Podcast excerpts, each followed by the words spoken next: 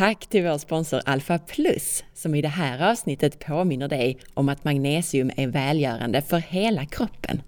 Det behövs för alla kroppens celler och många enzymer och det är väldigt vanligt med magnesiumbrist. Alpha Plus Magnesium Synergi kombinerar fördelarna med tre värdefulla former av magnesium och med vitamin B6 för bästa effekt. Vi lottar ut Alpha Plus Magnesium Synergi till 10 lyssnare.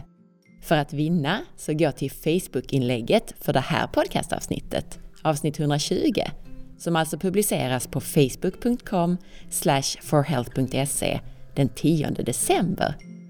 Vi drar 10 vinnare av de som både delat inlägget om detta podcastavsnitt eller avsnitt 118 och som även har skrivit en kommentar till inläggen. Nu kör vi podd!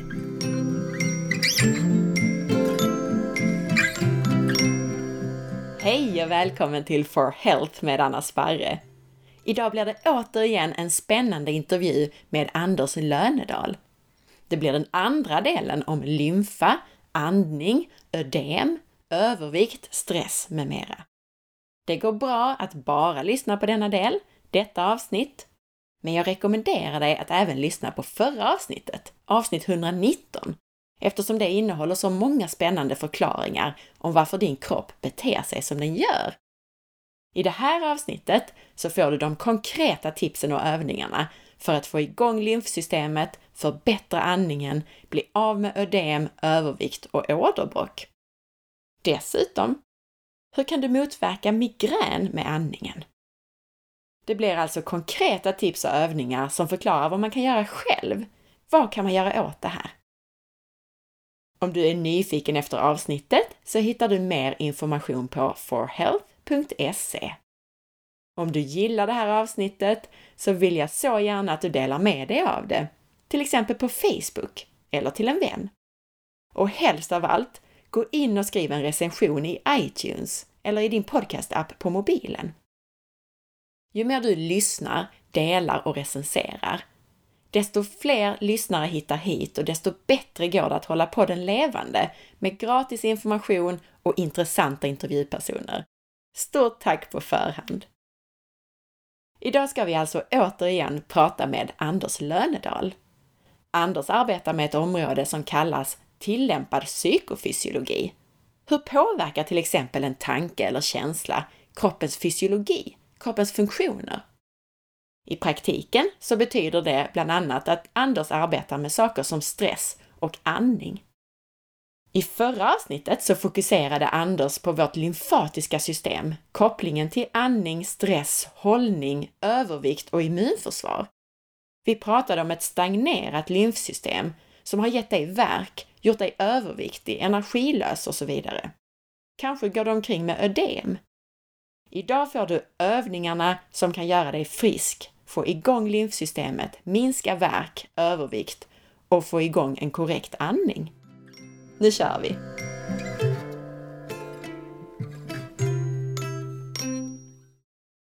Apropå det här då att vi, det inte finns några hopplösa fall. Hur kommer man till rätta med, med det här? Det första är, det är så enkelt så det är inte klokt. Man måste alltså börja andas ordentligt. Mm. Det, det, det är det absolut första man måste lära sig. Mm. Det är att få tillbaka sitt biologiskt korrekta andningsbeteende och därmed få in lite avslappning i kroppen hyperventilering då som det in, in, inleds alltid med det när vi stressar igång. Man måste ju andas ut den ja, alkoholdioxid som de kämpande musklerna producerar.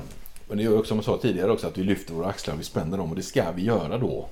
Men de här stress och överlevnadssystemen ska inte ligga på mycket mer än i tre minuter. Sen ska antingen är faran över eller också är det över med oss. Så krass och cynisk är naturen. Och så går vi på dem sen, eh, ja, i flera år helt enkelt då, med de här konsekvenserna det får. Så det är helt avgörande med att få igång ett biologiskt korrekt andningsbeteende, andas med diafragman ner i magen. Och eh, sedan så kan man göra väldigt mycket mer givetvis. Va? Man kan ju till exempel simma. Mm -hmm. Väldigt bra för stagnerad lymfa. Eller, eller bara stå i en bassäng eller i havet eller i någon sjö när det är tjänlig temperatur. Mm. Helt enkelt. Ställer man sig i en bassäng så blir det som en stödstrumpa på hela kroppen. Man får alltså, trycket blir högst där man behöver det bäst, alltså längst ner. Då kan man köra andningsövningar där. När man står där i vattnet och då får du igång det här, den här cirkulationen på ett föredömligt sätt. Va? Men vi måste också tänka på det att det krävs ju att våra axlar följer med. Att vi alltså klarar av att stressa ner lite grann, alltså slappna av lite. Och det är ju, när de här systemen ligger på så är det väldigt svårt att göra det själv. Man behöver hjälp helt enkelt. För man, hamnar, man har alltså hamnat i ett beteende, ett dysfunktionellt beteende. Och andningsbeteende är extremt viktigt där.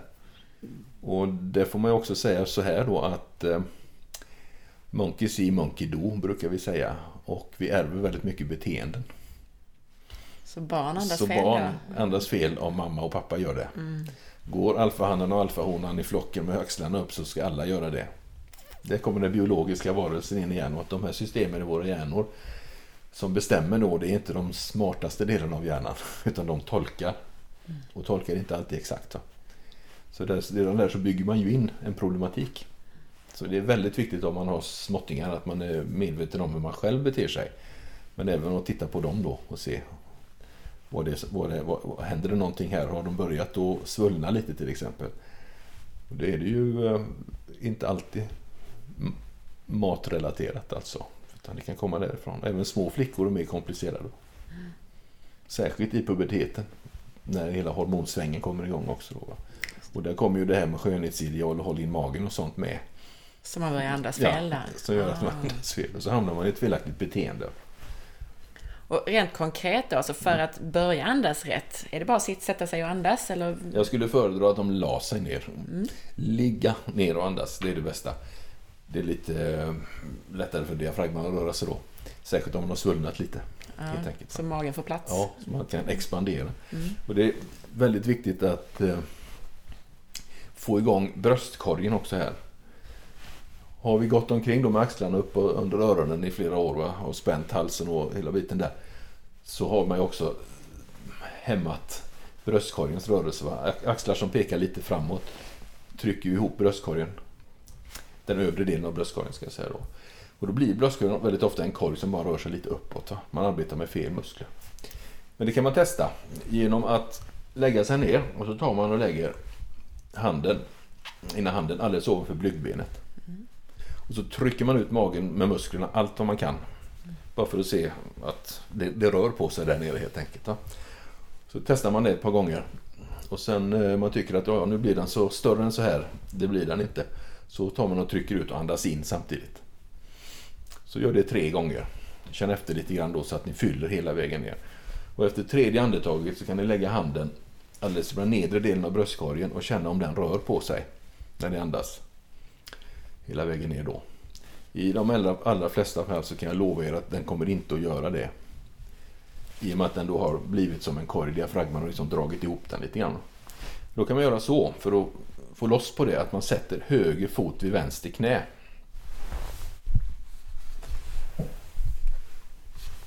Då ändrar man vinkeln på bäckenet lite grann. Och när man ändrar vinkeln på bäckenet så slappnar muskeln av på sidan lite, lite grann. Va? Och när man då tar och andas in sådär riktigt djupt igen så börjar bröstkorgen att röra sig lite. Då kan man börja släppa på den. Va? Och det är många muskler som ska tränas där så den kommer inte att expandera max med en gång utan den kommer att ta några dagar innan det släpper. Va? Men det fungerar varenda gång.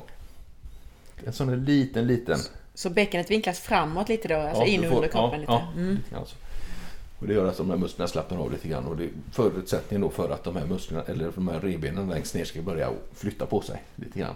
Det är ju interkostaler som de här musklerna heter också, inandnings och utandnings. Va? Har man inte arbetat med dem på flera år så behöver de ju tränas. Helt enkelt, de släpper ju inte bara så här. Va? Och därför kan man behöva hjälpa kroppen lite grann då. Väldigt viktigt när man börjar att testa det här är att man lyssnar på kroppen.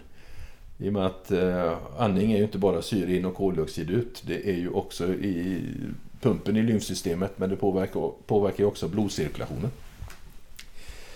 Det gör att det väldigt ofta blir lite tryck i huvudet helt enkelt. Och känner man det så får man vila tills det går över. Det brukar gå över ganska fort. Då. Illamående är också väldigt vanligt. Man börjar massera sin magsäck. och sitt tarmpaket med diafragmarörelsen och då släpper eh, magsäcken ut lite mera magsyra och det kan kännas lite olustigt. Då. Och yrsel. Andas med näsan, det har vi sagt att man ska göra tidigare, man säger det en gång till. Man ska andas med näsan in och ut och då får man ju med sig den där kväveoxiden som gör att kärl öppnar upp. Och det gör de när man börjar andas med näsan och lite längre ner. Så att det blir ett tryckfall i kroppen helt enkelt. Och där kan man bli lite yr. Och då är det viktigt att man inte bara ställer sig rätt upp efteråt, att man får sätta sig och balansera sig lite grann. Så här. Jag tänkte säga, börja förstå varför man ska ligga ner när man ja, börjar. Precis så, det är alltså de här små biverkningar. Det finns ju en hel del positiva biverkningar också i detta. En väldigt positiv biverkan när man börjar att andas ordentligt och, och rätt, biologiskt korrekt som vi brukar säga då, det är att man börjar sova bättre. Och sen kör vi igång vår kära lymfvätska vilket gör att man börjar kissa lite mer. Och det är en första signal på att det börjar hända grejer i kroppen. Det är att kroppen kan alltså börja skicka ut den här vätskan den rätta vägen.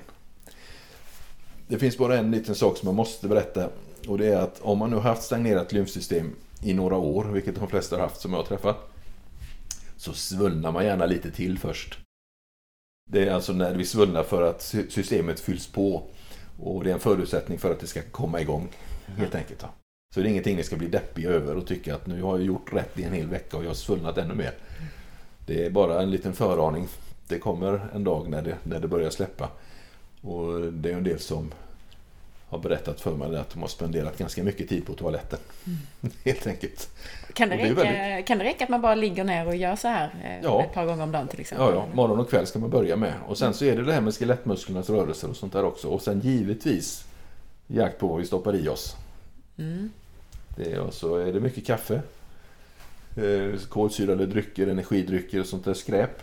Så undvik det för er egen skull, alltså för att få igång det här. För att allting, allting som vi stoppar i oss vätskor eller fasta födor hamnar i levern till slut. Och den blir ju överbelastad där, full i toxiner helt enkelt. Mm. När systemet inte cirkulerar så hamnar det någonstans. Dels så får ju givetvis lymfsystemet behåller ju en hel del men väldigt mycket hamnar i levern. Inte minst, jag tänker vitt socker, fruktsocker ja, ja, ja. som ska tas om hand av levern. Ja, allting, alltså det måste det. Och det, det har, man, har man nu en, eh, äter man psykofarmaka, SSRI-preparat till exempel, så inducerar det fettlever. Det är NAFLD kallas det för Non-Alcoholic Fatty Liver Disease. Det drabbar alla.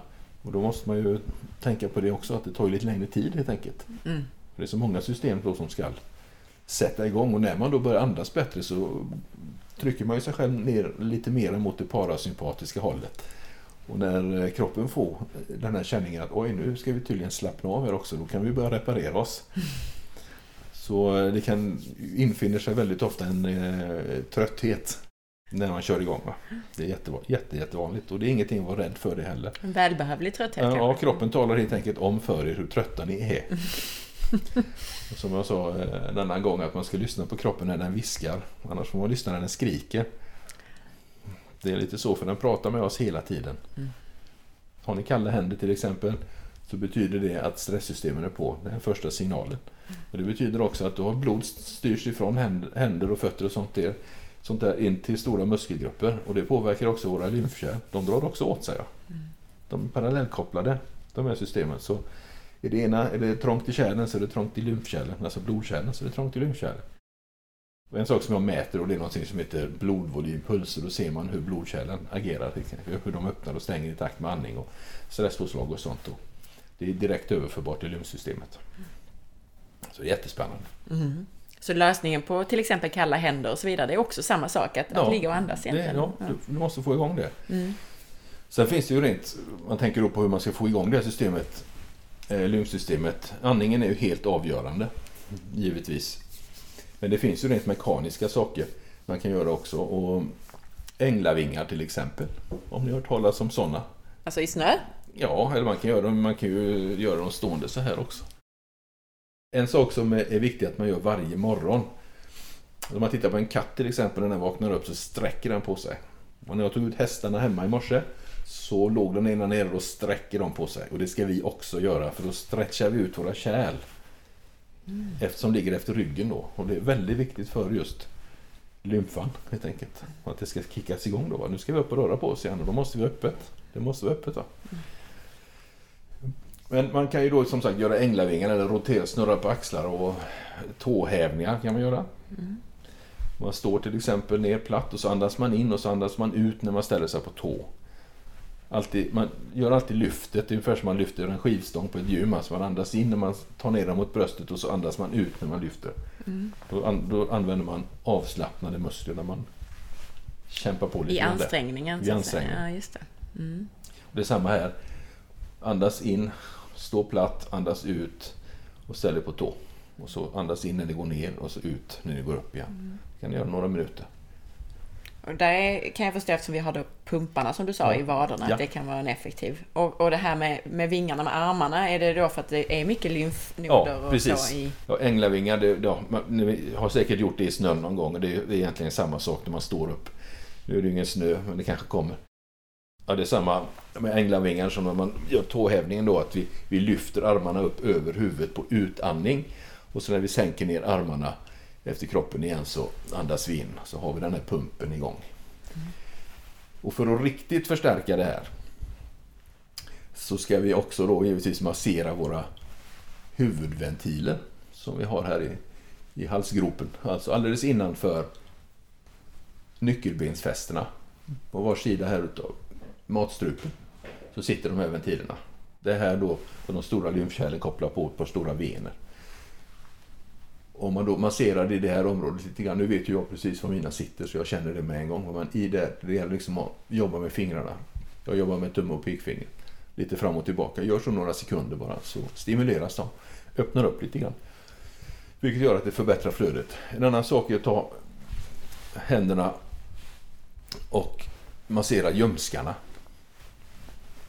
Alltså aktivera noderna som har i ljumskarna. Det är särskilt viktigt för kvinnor. Innan ni börjar med de andra rörelserna. För då är de här huvudventilerna till exempel lite mer öppna. Om vi först, om vi eh, först Börjar med ljumskarna. Ja, ja, vi börjar med ljumskarna och sedan tar vi halsen och sen så börjar vi till exempel djupandas. Om vi, har en, om vi tänker att nu ska vi djupandas för att få igång lymfsystem. Då ska man stimulera de här, eh, så här ventilerna då, de här stora klustren utav ansamlingarna utav lymfnoder som vi har i ljumskarna då. Mm. Det är jätteviktigt. När man har gjort den här första andningsövningen och får igång sin bröstkorg ordentligt så att den börjar att flexa. Då är det väldigt viktigt att börja jobba med pumpen på ett ännu effektivare sätt. Och då börjar man- med att jobba med bäckenet också. Jag sa tidigare att det är många som går med svank. Och det är för att få bort den helt enkelt. Och då gör man så att när man ligger ner så svankar man lite till och andas in. Och sen så andas man ut och går tillbaka och trycker ryggraden helt platt emot underlaget. Och då är det bättre om man ligger på ett hårt underlag. Och gärna tippa nästan bäckenet lite uppåt. Svansen mellan benen Ja, brukar jag svans, säga. ja. Mm. Och det är intressant att du säger det. Jag ska komma in på lite var, varför vi ska göra detta sedan. För det med svansen mellan benen har en, eh, en intressant koppling där. Jo, och då andas man in, svankar, andas in. Och andas ut och går tillbaka. Lägger ryggen platt emot. Så gör så då i eh, kanske 6-8 andetag. Men det är väldigt, väldigt viktigt att lyssna på kroppen här. För att andningsövning ska aldrig vara förknippat med någon form av obehag. Och det är ingen prestation vi ska jobba med här utan det här är alltså för att få igång ett system som är trögt och det måste man väcka varsamt. Det går inte att bara öppna kranen. Det funkar inte riktigt så. Det kan alltså göra ganska ont om man tar i för mycket. För samtidigt då som vi börjar att jobba med bäckenet fram och tillbaka så bör vi pulsera och cirkulera vår cerebrospinalvätska på ett mycket mer effektivt sätt. va. Därför att hjärnhinnorna följer ju med ryggmärgen ner till kota 4 nerifrån ungefär från bäckenets sätt. Där omvandlas den till en sena som går hela vägen ut i svanskotan. Så när vi håller på med bäckenet fram och tillbaka så drar vi ihop våra hjärnhinnor och då cirkulerar alltså den här cerebrospinalvätskan, hjärnans lymfvätska på utsidan på ett väldigt effektivt sätt. Så att det är flera saker som kopplas ihop här med den här rörelsen. Häftigt. Men det här med svansen mellan benen är väldigt intressant. För att vi har en jättemuskel som heter psoas sitter på var sida utav eh, ryggraden och går, sitter, fäster ihop med diafragman i bröstryggen ungefär. Går hela vägen ner genom bäckenet och ut och sätter sig under lårbenskulan där, eller höftleden kan vi säga. Svansen mellan benen då? Jo, hundar som är osäkra har svansen mellan benen. Då spänner de sin psoasmuskel. Och det är alldeles nya rön. Det är väldigt intressant tycker jag. Och när en människa hamnar i svank så spänner vi våran psoasmuskel. Och när vi gör det så slår vi på flyktprogrammet i reptilcentrum, alltså i hjärnstammen. En hund som har svansen mellan benen är en osäker och rädd hund. Och de här, människor då, man börjar alltså mäta vad som händer i dem. Som svankar är också ja, samma ja, sak. Då. Ja, alltså stresssystemen på. Så psoasmuskeln kommunicerar alltså med ryggmärgen beroende på läge. Ha. Och får ju tänka på det att den här fantastiska muskeln faktiskt förbinder ryggraden med benen också. Därav flyktprogrammet. Så börjar det röra sig där. Och har man då, är man då i svank så kommer man aldrig helt ner i varv helt enkelt. Om man inte får loss den. Mm. Och det är därför det är så viktigt att jobba här. Dels då få bäckenet i rätt vinkel givetvis så att det kan bli flöde uppåt.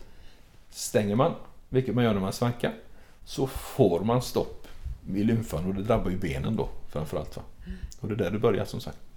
Och det är alltså stressinducerat i de allra flesta fall och att med en bakvänd andning. Jätteintressant det här. Alltså jag tjatar väldigt ofta om hållning men jag har inte riktigt berättat om kopplingen till lymfsystemet. Men du säger ju det att det har ju även med axlar och ja, framåtlutade ja, axlar och eh, även det här att man svankar för mycket och, och så. Jag har till och med gjort ett helt podcastavsnitt om hållning. Jag ja. borde lägga till en liten bit där om att man ska göra det för lymfans skull. Ja, absolut. Alltså det får, det, kroppen hänger ihop. Allting mm. hänger ihop. Mm. Och det är så, I USA så har man någonting som man idag kallar för text-neck syndrom. Det är alltså gamnacke vid 15. Och när man då håller huvudet framme med de där förhatliga telefonerna som vi har blivit så beroende av på så kort tid. Så huvudet fram, 30 kilos tryck på eh, nedersta kotan, eller nackkotan.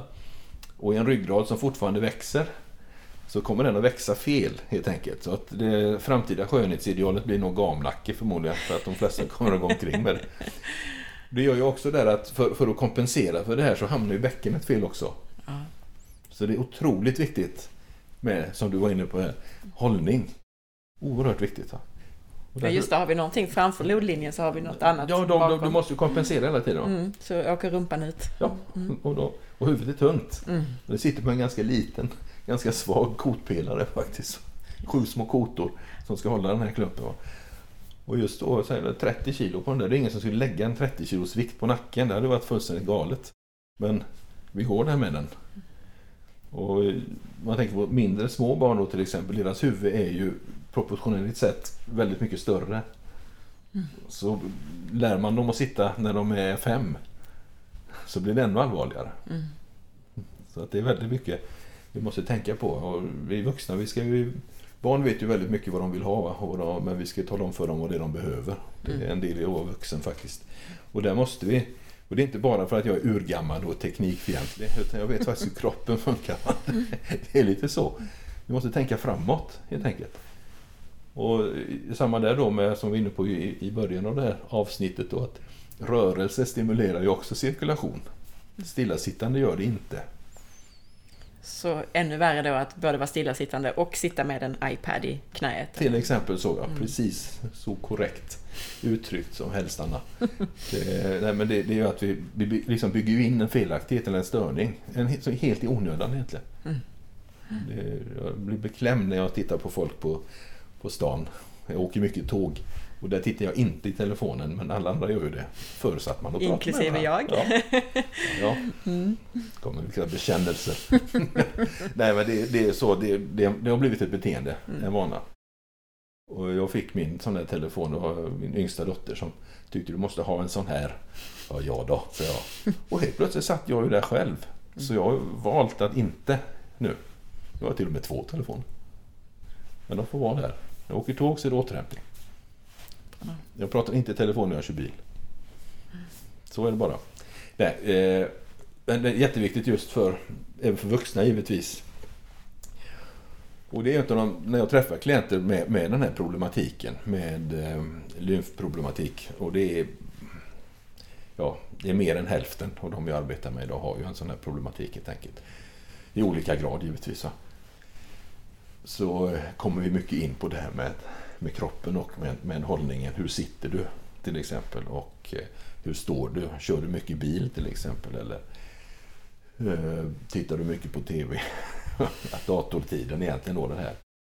Och många då som eh, man sitter och jobbar vid en dator till exempel. Det är många som jobbar på kontor och sånt. Och så sitter man väldigt ofta framåtlutad. Mm. Då kan inte diafragman jobba och så axlarna lite upp. Mm. Och så blir det bomstopp igen. Va? Och det var intressant när jag var på Mitsubishi faktiskt i, i Japan. Så varje hel timma så ringde det en liten klocka. Och då ställde sig alla upp och så körde de deras variant av qigong. Wow. Fem minuter varje timme. Perfekt. Mycket bättre än rökpauser. Ja. och det, det, det, gör alltså alla gör det konsekvent. Mm. De sa att det blev en direkt påverkan på produktivitet, avslappning och stämning och sådana saker. Dessutom har de ju i vissa asiatiska länder också sovpaus när alla lägger sig på skrivbordet. Jajamensan, ja det ingår och de, de är väldigt, där är de framme. Men mm. de är också väldigt framme på, i Japan kallas det för karoshi. Det översätts med ungefär med plötslig vuxendöd. Oj! Alltså, ja. ja de jobbar ju mycket. människor och de jobbar ihjäl sig helt enkelt. Ja. det ska vi ju inte efter sådär va. Så det var väl kanske de som fuskade med pauserna då. Jag ska inte skämta om det men, det, det är ju, men just det sättet att se på det hela. Att vi faktiskt måste få lite återhämtning. Mm. Vi måste in i depå ibland helt enkelt. Va? Mm. Vi människor. Mm. Och vi behöver det. Andra saker man kan göra för att stimulera lymfsystem givetvis är ju beröring helt enkelt. Alltså lymfmassage är en väldigt mjuk sådan. Och vad är det? Berätta. Om man, jag brukar jämföra det med, med sån här taktil massage eller taktil stimulering. Ungefär det är samma tryck på, på huden. Mm. Och då börjar man ju oftast alltså nerifrån. Och så föser man ju lymfvätskan uppåt. Upp mot magen helt enkelt. Så, va? Och överkroppen, alltså ovanför axlarna då, så är det ju neråt då, ner mot ventilerna. Mm. Och det finns eh, eh, en hel del olika tankar och synsätt på hur, var man ska börja, hur man ska göra. Men det absolut viktigaste det är alltså att, att stryka med eh, väldigt lite tryck. Alltså. Behöver inte mycket tryck. Uppåt. Och så samtidigt då som man andas givetvis att man andas in. Och så när man andas ut, då stryker man uppåt. För då har du igång suget. Vet, I det här hydralsystemet som jag kallar det för ibland. Så är det ju så att benen och lymfkärl har ju klaffar i sig. Och när vi då andas ut så öppnar de. Och när, vi då andas ut och stryker samtidigt så får vi en ökat, ytterligare ett ökat flöde uppåt helt enkelt. Andas vi bakvänt, alltså drar in eh, magen när vi andas in, så blir det ett tryck på de här klaffarna. Och det är inte alls bra. För då går de sönder till slut. Då blir det åderbråck av det. Då viker de sig. Och så rinner venöst blod tillbaka igen. Så det är också en sån sak som man faktiskt kan lindra. Genom, ja, genom att andas korrekt, få igång flödet. Få det här suget ordentligt då? Men, men samtidigt också då, rent mekaniskt alltså bearbeta. Och det är ju, det är ju lymfmassage egentligen som gäller där också. Va? Och väldigt mjukt. Men om man ska göra en ordentlig lymfmassage så tar det ungefär en timme. Det räcker inte bara att stryka en gång. Och det är svårt att göra det själv, framförallt på baksidan. Så har man en partner så ska man ju ta hjälp mm. helt enkelt. Och där finns ju givetvis lymfmassörer och, och sånt också. Men det viktigaste är ju ändå att just för självhjälpen så är det att få igång pumparna helt enkelt och undvika de här sakerna som faktiskt gör att lymfsystemet stagnerar lite eller blir trögare, mer trögflytande, mm. lymfvätska. Jag tänkte många använder sådana här torrborstar. Ja, så. ja, ja, vad bra du sa det, för det är absolut, mm. det är jättebra. Mm. Torrborstning och det, och det är samma där då, det är mjuk, en mjuk borste, det är ju inte skurborste man ska ta där utan att det är en väldigt mjuk och det är väldigt behagligt helt enkelt. Mm. Det, det, men det måste alltså göras varje dag. Det är det som är, det går ju inte. Det andra ska man göra varenda dag. En, en, sådär 20 000 gånger om dygnet. Mm. Och gör man då rätt några gånger så får det väldigt stora och fina konsekvenser. Mm. Men ett stagnerat lymfsystem, ett stagnerat flöde där måste bearbetas hela tiden. Mm. Alltså, för att det ska kunna släppa. Man behöver kanske, om man, inte, om man nu känner att en timme lymfmassage mm. varje dag blir lite för mycket, men om man gör allt det andra får man ändå effekt? Absolut, absolut. Mm. Den lymfmassagen kan ju bli det där som får den lilla extra skjutsen helt enkelt. Men, Men du kan ju få hur mycket fin lymfmassage som helst om du ligger där och håller andan eller andas bakvänt så, så händer det inte så mycket ändå. Va? Så den absolut viktigaste delen i det här det är ju att få igång sin diafragma och få igång sin bröstkorg så att vi kan fylla och få igång få det här trycket och det optimala suget tillbaka då. För det är ju det, det trycker och det suger och det ska göra det hela tiden. Och så ska vi ju lära oss att slappna av också då givetvis. Va? Vi ska ha ett parasympatiskt påslag, en vagal ton heter det. Vagusnerven ska vara dominant. Men när vi har det så öppnar våra kärl upp. Och många blir ju stressade bara för att de tycker att de svullnar. Då försöker man ju kämpa och hitta alla möjliga lösningar och tar varenda halmstrå som flyter förbi givetvis. Och ofta så glömmer man då det mest fundamentala. Alltså, vad är det som startar det här systemet egentligen? Och det är diafragmarörelsen, andningsbeteendet och hur vi håller våra axlar. Om vi hamnat i svank. Ja, you it, allt som vi har gått igenom här tidigare. Mm. Och det är små saker egentligen som får väldigt stora positiva konsekvenser om man börjar lirka där. Det är fundamental påverkan har du när den här leden i bäckenet, K3 S1 L5 som det heter där bak i ländryggen. När det släpper så, och det blir det här gångjärnet då som ska faktiskt när vi andas in och vi har ett bäckenben som är i rätt vinkel och musklerna är avslappnade runt omkring så sköter alltså diafragmarörelsen den här lilla vickandet fram och tillbaka. Och rörelsen är inte särskilt stor, det behövs inte det, men har man gått omkring med svank länge och har spända psoasmuskler så måste man ju stretcha ut det här systemet. Igen. Och helt plötsligt så släpper det. Och det är, när det gör det, när det släpper där, då känns det i kroppen också. När jag gör mätningar så gör jag det eh, ibland bara för att visa Eh, då brukar jag sätta en, eh, det är en fingertemperaturmätare egentligen, men då sätter jag den på ländryggen. Och sen så är det väldigt vanligt att om man har stagnerad lymfa, ett lymfsystem som står still länge, så blir det nästan som lårkakor in mot stjärtbenet. Och de kan vara väldigt smärtsamma att trycka på. Men när du börjar trycka loss dem, massera loss dem, så eh, det räcker kanske att jag gör en fyra, fem sådana lite rörelser. Det, det gör rätt ont har jag fått reda på.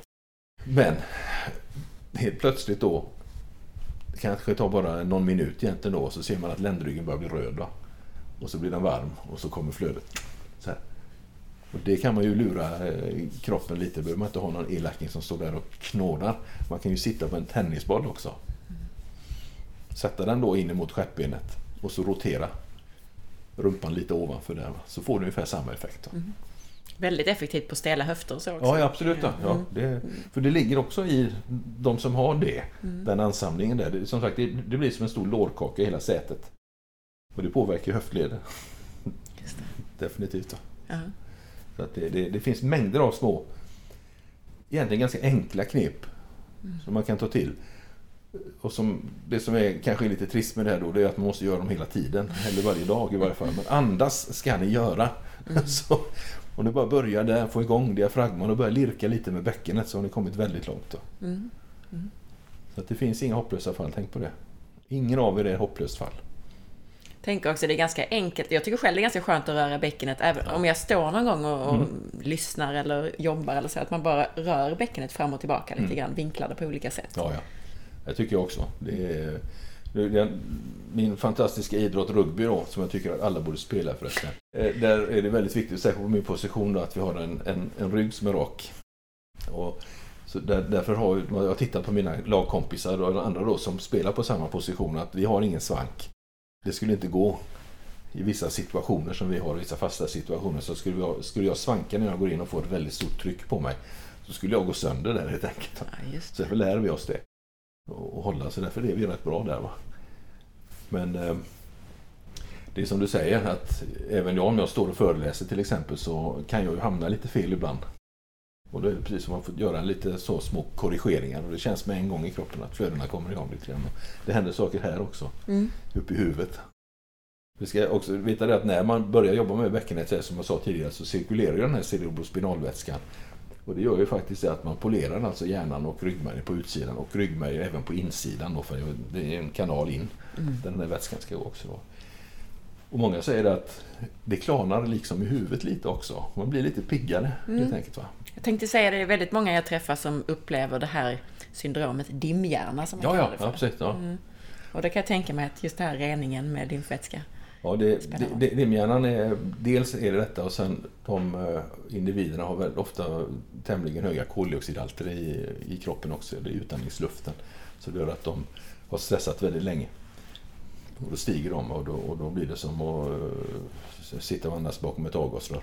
Helt enkelt. Och det är ju andningen som sköter det med koldioxid ut. Helt enkelt. Mm. Spända muskler genererar ju mjölksyra, mjölksyra som inte förbränns blir koldioxid. Och då måste vi andas ut. Mm. Så vi, hela tiden hamnar vi där tillbaka till andningsbeteende faktiskt. Det är fundamentalt viktigt. Slutar vi andas så dör vi ganska snabbt. Och andas vi bakvänt så svullnar vi. Så det är, du ser det, det är, man tittar ofta på man ser på en del klienter, de har varit hos ganska många så kallade experter och sånt där. Va? Mm. Och det första man tänker på om det kommer in en stor människa, en överviktig människa, det är kosten. Och i och med att jag är sån där överlevnadsinstruktör och där har vi en tre-regel och då säger man tre veckor utan fast föda, tre dygn utan vatten och tre minuter utan syre. Problemet med de här stora människorna då, det är ju det att den här stressade kroppen har ju inte näringsupptag som är optimalt. Och att kasta in en massa ny näring, byta kost och sånt, det kan man göra sen när man har fått igång kroppen ordentligt. Då ska man gå in med och optimera hela näringskedjan om vi säger så. Men eh, det första är faktiskt att få igång diafragman och få in lugn och ro i kroppen. Det parasympatiska nervsystemet igen, lugn och ro-systemet, oxytocin, serotonin, endorfiner, öppna kärl. inte bara blodkärl utan även lymfkärl. Och det är andningen som är pumpen. Nu har du betonat andningen väldigt mycket. Vad är det för symptom man kan vara uppmärksam på kring om man då andas fel, tänker jag. Vad är det för symptom, förutom att man kanske svullnar då, som det vi har pratat om? Jo, det, det första symptomet, om vi kallar det för det, det är kalla händer faktiskt. Det börjar där och att vi blir spända i hals och nacke. Och det är en evolutionär historia. Vi ska göra det. Det ska vara så då. I de här tre minuterna när vi flyr för livet. Va? Eller slåss för det.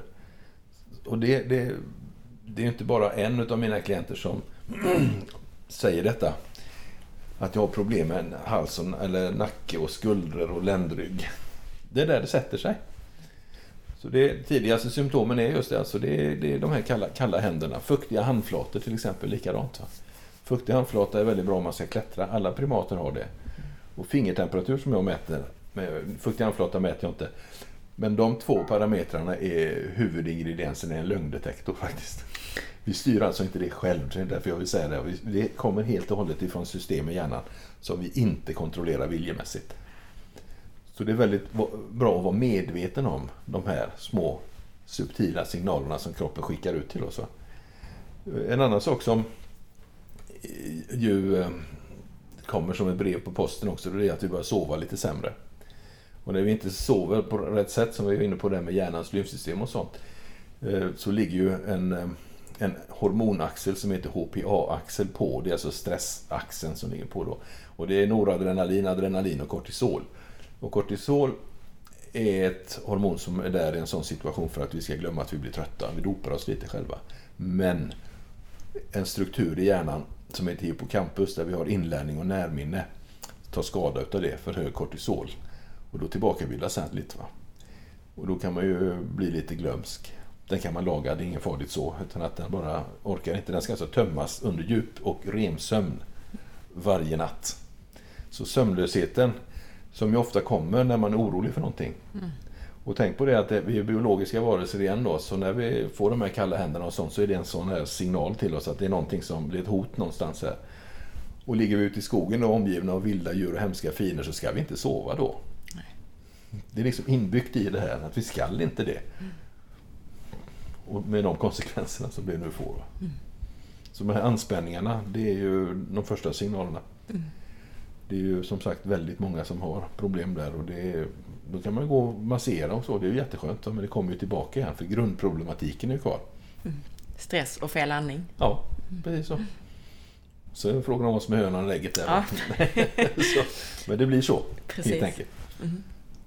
En, eh, så att bara vara medveten. Det, ska man förändra någonting så måste man bli medveten om vad. Och hur? Alltså det finns ett sånt här gammalt kinesiskt talesätt som säger att om man ger en människa en fisk så blir de mätt för dagen. Om man ger dem, lär dem att fiska så blir de mätta hela livet. Men för att fiska så måste man ju ha redskap och kunskap. Och det är det som sådana som jag kommer in med då egentligen. Bara för att visa på om du gör så här. Och så känns det ju ganska snabbt i kroppen. Det får ju sådana positiva konsekvenser när man kör igång. Och det är motiverande då givetvis. Som sagt, de små subtila signalerna börjar där. Känn efter. Och många säger att min, min mamma och min mormor och farmor hade också kalla händer. Och så har vi ärvt ett beteende. Det är inte gener.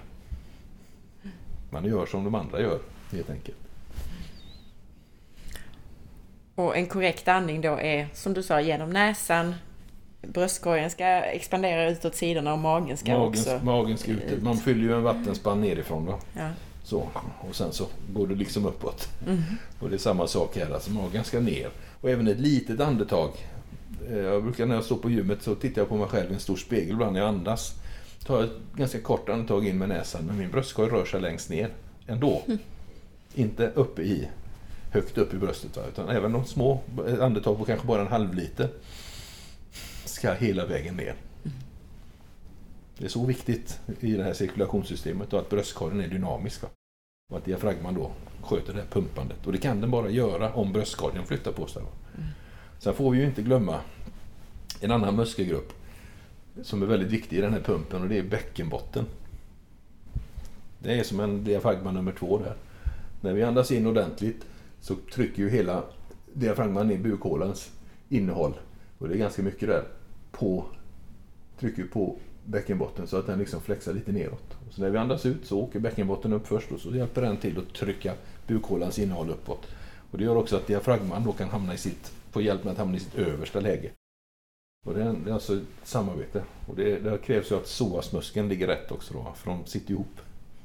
Där har vi också, du sa ju det här att det är vanligt att man kan få problem med, med lymfvätska och ödem efter graviditet. Ja. Och bäckenbotten är ju ofta lite slapp där efter, eller ganska mycket slapp till och Jag med. kan väl säga det att kvinnokroppen är ju fantastisk på väldigt många sätt men väldigt komplicerat. Och eh, eran bäckenbotten är ju en historia för sig, helt enkelt. Va? Det har ju faktiskt ett hål i eran bäckenbotten som ena sekunden kan knipa om en synål och andra sekunden släppa ut ett barn. Det är klart att den blir uttänjd.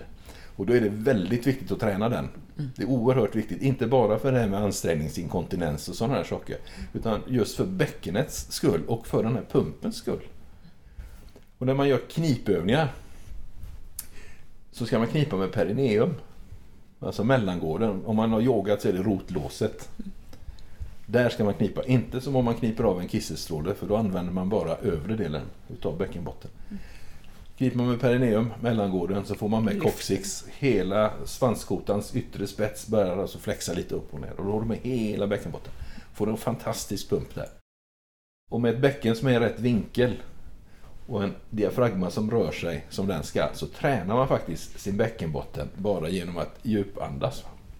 Då får du den här rörelsen. Sen kan man ju knipa lite ändå. Det gör ju ingenting för att stärka upp den ännu mer. Va? Och har man nu fött barn och tycker att det är lite slappt där så är det oerhört viktigt, inte minst för den här cirkulationen som vi pratar om då. För är det slappt här så det påverkar alltså hela, ni har så mycket noder i den här regionen i kvinnor va? så att det är otroligt viktigt. Att eh, det, den ska vara en tum tjock, var det någon som sa. Och en liten parentes där, innan inspelningen så pratade vi lite grann om hästar och ridning och det är Ja. ju ett utmärkt sätt att stärka bäckenbotten på, att rida. Absolut. absolut. Och det, det märker jag på mina klienter att många kan komma in och ha ett totalt dysfunktionellt andningsbeteende, andas bakvänt och vara bedrövliga på detta. Och sen ber de ofta att tänka på något positivt, någonting som de tycker om och så ändras hela beteendet. Och då är det ryttare och sådana där som sjunger. Körsångare har jag flera stycken, då kan de. I den betingelsen kan de. Du kan inte sitta på en häst och hyperventilera, då sitter du och, och vara stel i den här leden vi pratar om nu, att ett bäcken, ett bäcken som är stel, för då sitter de där och studsar. Och det tycker inte hästen om. Då blir han orolig va? och de konsekvenserna som det kan få. Och det är samma då med körsångare, de måste ju ha det här, sångare överhuvudtaget, de måste ju ha hela bröstkorgen och mags, bukstödet med sig, annars kan de inte sjunga. Så där går det bra. Men så går de ut och drabbas av livet och så hamnar de i sitt dysfunktionella beteende igen. Jag tycker det är väldigt intressant är just att beroende på vad man är och vad man gör så har man olika beteenden. Det är liksom bara att göra det där, det där bra lite oftare. Och sen nämnde du också att man skulle vara i vattnet, det gillar jag också för jag, eftersom jag själv surfar och mm. man ser ju inte, eller jag har aldrig sett en surfare med det. Nej, inte rugbyspelare heller. Nej, precis. Nej, men det, det, är så simma och, och uh, göra de här andningsövningarna till exempel och tåhävningar stående i vatten. Det är fantastiskt. Vattengympa som många mm. går på med, med den här problematiken och det är fantastiskt bra. Det finns bara en liten hake där. Och det är att man blir kissnödig. man ska inte dricka det vattnet i den poolen. nej, man ska helst inte göra det. Nej. Man får ju inte ens kissa i ett hörn i en pool. Det tycker jag är tråkigt. Kanske bättre på sommaren i havet.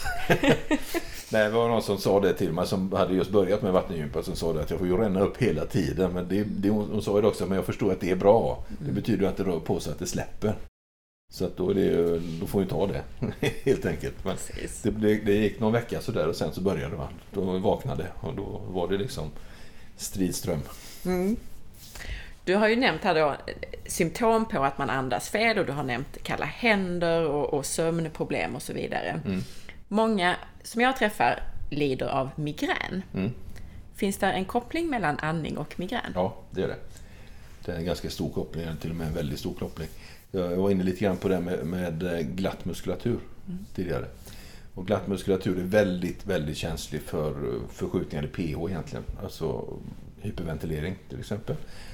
Som alltid leder till syrebrist. Ni kan veta det att om man går till eh, sjukvården, eller jag mäter också det, syremättnad, saturation.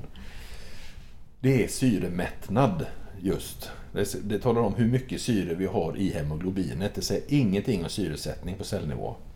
För att syremättnad ska bli syresättning så måste koldioxidhalten ligga rätt. De här gaserna ska byta plats och det är koldioxid som öppnar, har nyckeln och öppnar hemoglobinet så att syret läcker ut. Då. Vid långvarigt stresspåslag, förskjutningar här, syrebrist som det faktiskt blir, så krampar hjärnhinnor och kärl. Och det är väldigt ofta då eh, relaterat till migränanfall. Och tryck, tryck i huvudet. Och kan tänka på det också då att när vi har de här och får man de här eh, migränanfallen eller känningarna så spänner sig folk väldigt ofta lite till. Va? Det, det, är en evolutionär historia, det är, en, det är, ett skydd vi har där. Att vi försöker, vi försöker liksom skydda oss och dra oss undan och gärna lägga oss i ett mörkt rum och sådana där saker. Men just den här krampen av, av hjärnhinnorna framförallt. Det var en som sa det känns som att vi har en mössa inuti. Alltså, det, det, påverkar ju, det blir också ett ökat tryck i kroppen när vi spänner oss för att cerebrospinalvätskan kommer ju inte ut. Och det kan ju också påverka synen då, i och med att synnerven ligger under hjärnan. Så blir det ett ökat tryck i vätskan där så påverkar det synnerven och då kan det bli svårt att fokusera sådana här saker. Så det är en väldigt stor eh, koppling mellan eh, alltså, dysfunktionell andning och den här obalansen och migrän. Det har jag mängder av bra exempel på. Det, det är faktiskt riktigt kul. Men som sa det för några år sedan att vi träffades några gånger så det, gjorde vi paus över sommaren. Sen kom hon tillbaka och så sa hon att nu kom jag på att jag har inte haft ont i huvudet sen vi såg sist. jag tar det som en komplimang. Nej men det är alltså just den här biten, de här små, små bitarna, felaktigheterna eller säga, störningarna som blir i kroppen får ju sådana konsekvenser. Och man kan alltså i väldigt, väldigt många fall göra någonting åt dem själv. Och bara vetskapen om det gör ju att om nu jag får de här känningarna så kanske då gör jag så här istället. Och så tar jag udden av det. Det tar ju lite tid givetvis att få igång cirkulation och få in ja, en, en optimerad och syresättning till exempel om man har kommit till det. Men påverkan, definitivt. Definitivt. Och det har också med det här flödet att göra. Då. Så om man känner att ett anfall skulle kunna vara på gång den dagen så kan mm. man lägga sig ner och ja. andas. Och... Mm. Så att ju, ju, fortare ni kommer igång med den här träningen desto bättre är det. Mm. Men också med en viss envishet så lyssna på kroppen. Har ni inte gjort det förut så börja nu. Just, alltså, om ni känner obehag när ni gör andningsövningar så vila då. Bryt lite. Det är inte the end of the world liksom, utan att det är bara vila tills det går över. Det brukar ta några sekunder. Och sen fortsätter ni lite. Va? Och sen i takt med att ni vänjer kroppen, blir ökad cirkulation och ökad avslappning så kan ni förlänga de här sessionerna. Det är, så. det är den första veckan som är känsligast egentligen. Tack snälla Anders för all den här jätteintressanta informationen. Om ett bortglömt system dessutom. Ja, det är tyvärr så. Jag tycker det är väldigt trevligt att, att få dela med mig faktiskt utav den här kunskapen. Det måste spridas, alltså mer måste bli medvetna om, mer människor måste bli medvetna om vad det här handlar om och faktiskt också då lite grann vad man kan göra åt också. Mm.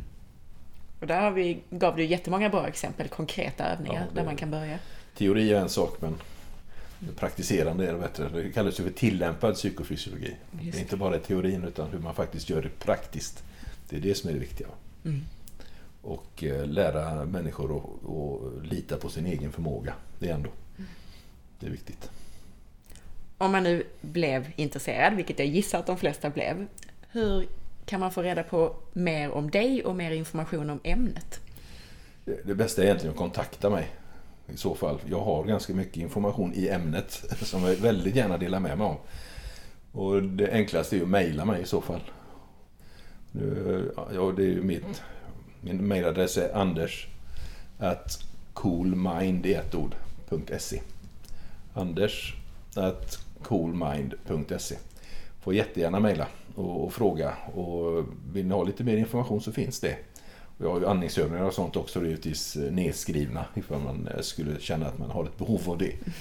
Kanske inte orkar lyssna alla på det här avsnittet varenda gång man ska göra andningsövningar. Hur var det nu han sa? Nej då. Nej, jag gör hemskt gärna det. Jag delar väldigt gärna med mig. Har du något annat på gång? Någon eh, föreläsning eller någonting annat där man kan Ja, det är, det är mycket på gång. Det är mycket nu. Men det är mycket positivt. Eh, och föreläsningar har jag inplanerade nu i eh, den 30 i Norrköping. 30 11 i Norrköping och sedan så har vi börjat att fylla på nästa år. Då är det Stockholm och eh, Karlstad och Göteborg. Jag håller också på att uppdatera eh, min hemsida. Den, eh, den har haltat lite för det är väldigt mycket att göra helt enkelt så jag har inte hunnit med den. Men jag ska eh, se till att fixa den och den heter alltså det är coolmind.se. Det är www.coolmind.se. Där är den och där kommer all information om föreläsningar, när, var och hur och stå och vilka ämnen givetvis. Men vi ska ha ett par um, heldagar runt lymfsystem just där det mycket praktiska övningar också. Det, vi har haft det några gånger tidigare men vi har utvecklat det en hel del då i och med att fler och fler klienter kommer med den här problematiken helt enkelt. Och, så, och ska till och med i, ska vi se, i början på nästa år så ska vi utbilda en, en del massörer i ämnet också. Så att de kan ta med sig det innan de träffar de här individerna då. Jättebra. Ja, så det, som sagt, det är mycket på gång. Mm. Men som sagt, ni får hemskt gärna mejla mig. Mm. Så svarar jag så fort jag kan. Wow. Mm. Är det några sista, någonting du vill sammanfatta eller några sista kloka ord som du kan ge lyssnarna? Ja, vad ska jag säga? Egentligen det absolut viktigaste som jag var inne på lite grann förut här också var det att dels då, det finns inga hopplösa fall. Ska man kunna förändra någonting så måste man bli medveten och via den här podden nu så har väldigt många av er blivit lite mer medvetna om vad ni faktiskt kan göra. Och så, så tappa inte tron på er egen förmåga för att kroppen är självläkande. Får den rätt redskap, får den rätt näring, får den rätt andning framför allt. Så läker den väldigt ofta ut sig själv. Så ge den här tiden bara några minuter varje dag alltså får en fundamental och en del så rent mirakulösa händelser i kroppen. Men man måste vara enveten och det kan ju göra lite ont ibland och det kan vara lite trögt och varför svullnar jag nu när allting skulle släppa? Men det är faktiskt ett tecken på att någonting händer, så deppa inte ihop där. Utan fortsätt. Och ta hjälp. Har ni någon partner som kan eh, klappa er på ryggen lite grann så är det jättebra att få hjälp där. Och så släpp lite måsten också. Det är väldigt många måsten som sätter sig i axlar och nacke och i ländrygg nämligen. Och kvinnor är särskilt duktiga på det. Det skiljer faktiskt i våra hjärnor lite i hjärnbalken som förbinder höger och vänster hjärnhalva så har kvinnor betydligt fler hjärnceller än vad män har. Män tänker linjärt, en sak i taget. Kvinnor tänker lite runt omkring och väldigt mycket på andra. Mm. Så börja vara lite klädsamt egoistiska ni kvinnor där ute. Tänk lite mer på er själva. Och ta er den här tiden, för den har ni och den är värda också. Jättefint. Tack snälla. Tack själv. Det var jättetrevligt att komma hit. Tack för att du lyssnade idag. Jag hoppas att du tycker att det här är lika spännande som jag tycker att det är. Missa inte att följa med på facebook.com forhealth.se där du gärna får dela avsnittsinformationen om det här avsnittet. Och häng också med på Instagram via asparre. Om du vill ha fler sådana här intervjuer, gå in i iTunes eller i din app på mobilen och lämna din recension. Och glöm som sagt inte att tipsa andra om podden.